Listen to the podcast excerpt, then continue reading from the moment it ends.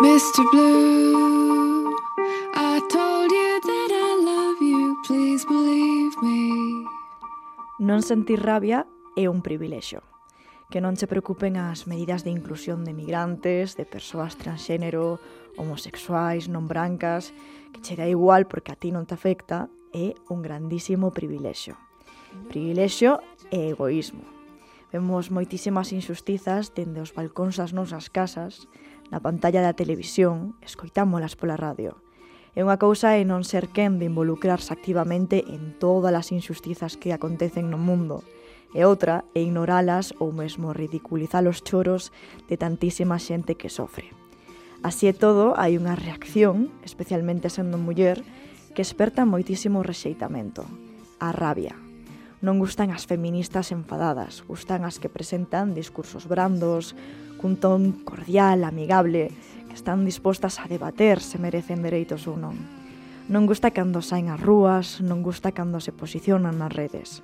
Porque en España, que é un país superavanzado, e xa non fan falla esas cousas, estamos a violación en grupo por semana e podemos ignoralo e seguir vivindo nesas esferas seguras que construímos tanto en redes como en círculos sociais, pero o perigo está aí fora.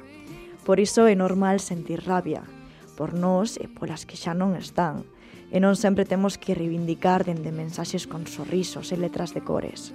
E por iso é lexítimo que personaxes tan traumatizadas como a Jan en Love, Death and Robots o único que busquen é facer xustiza. Encontrarás cómo volver a la normalidad. Ya es demasiado tarde. Lo que quiero es cazar a los hombres que creen que pueden poseernos, a los que perpetran maldades y las llaman progreso. Tienes que ayudarme. Le dije que la ayudaría. Puede que la magia antigua ya no existiese, pero yo era capaz de hacer magia nueva con las máquinas. Algo así é o que lle pasa tamén a personaxe de Rosalie en Crepúsculo. unha muller da que non coñecemos demasiado da súa historia ata a terceira película, na que conta de onde veñen os seus traumas máis profundos e como acabou por ser a alma atormentada que é hoxendía. La última noche de mi vida. Salí tarde de la casa de una amiga. No estaba lejos de la mía. ¡Eh, Rose! Ven aquí. Ten, sujétala. Eh, ven aquí. Te estábamos esperando. Me dejaron tirada en la calle, me dieron por muerta. Créeme, deseaba estarlo. Pero me vengué de ellos. De uno en uno. Pero que, como se adoita dicir, a realidade sempre supera a ficción. Suponse que vivimos nunha sociedade que avanza, pero ninguén se sorprende cando aparece unha muller asasinada polo seu home. Ninguén cuestiona o forte que é que sexa unha necesidade ter puntos lilas nas festas, grandes ou pequenas.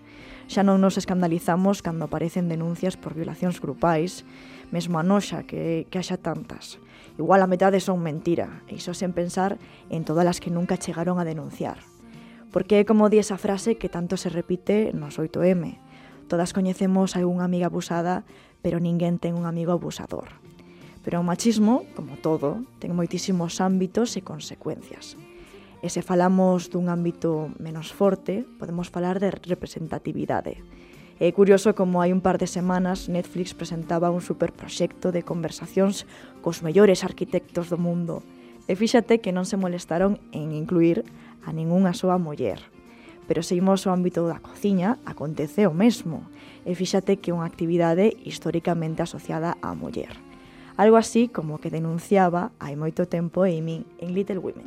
Joe está en Nueva York, trabajando como escritora y yo soy una fracasada. Una afirmación un tanto extrema para alguien de 20 años. Bueno, Roma me quitó toda la vanidad y París me ha hecho ver que nunca seré un genio, así que abandono todas mis esperanzas artísticas. ¿Por qué abandonar? Tienes muchísimo talento y Tener energía. talento no es ser un genio. Y ninguna cantidad de energía puede compensarlo. Quiero ser la mejor o nada. No quiero ser una mediocre y no pienso seguir intentándolo más. ¿A qué mujeres dejan entrar en el club de los genios? ¿Las hermanas Bronte? ¿Y ya está? Sí, eso creo. ¿Y quién decide quién es un genio? Los hombres, supongo. ¿Están reduciendo la competencia? Por iso, tantísimos anos despois, Non pasa nada se estamos enfadadas. Non pasa nada se lle molesta a Manolo ou a Francisco, porque eles teñen o privilexio de non entendelo. Porque ao final do día, que non sente rabia é un privilexiado.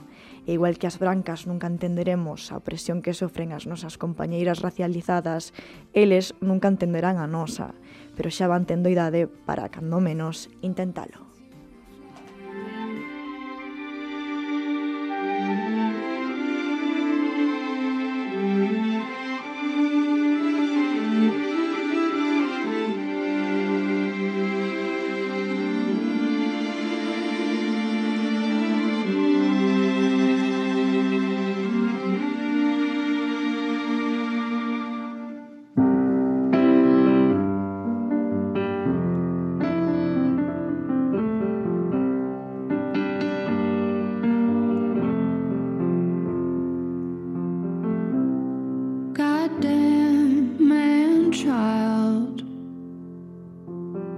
You fucked me so good that I almost said I love you.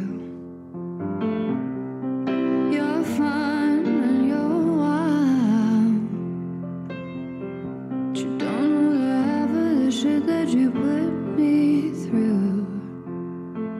Your poetry's bad.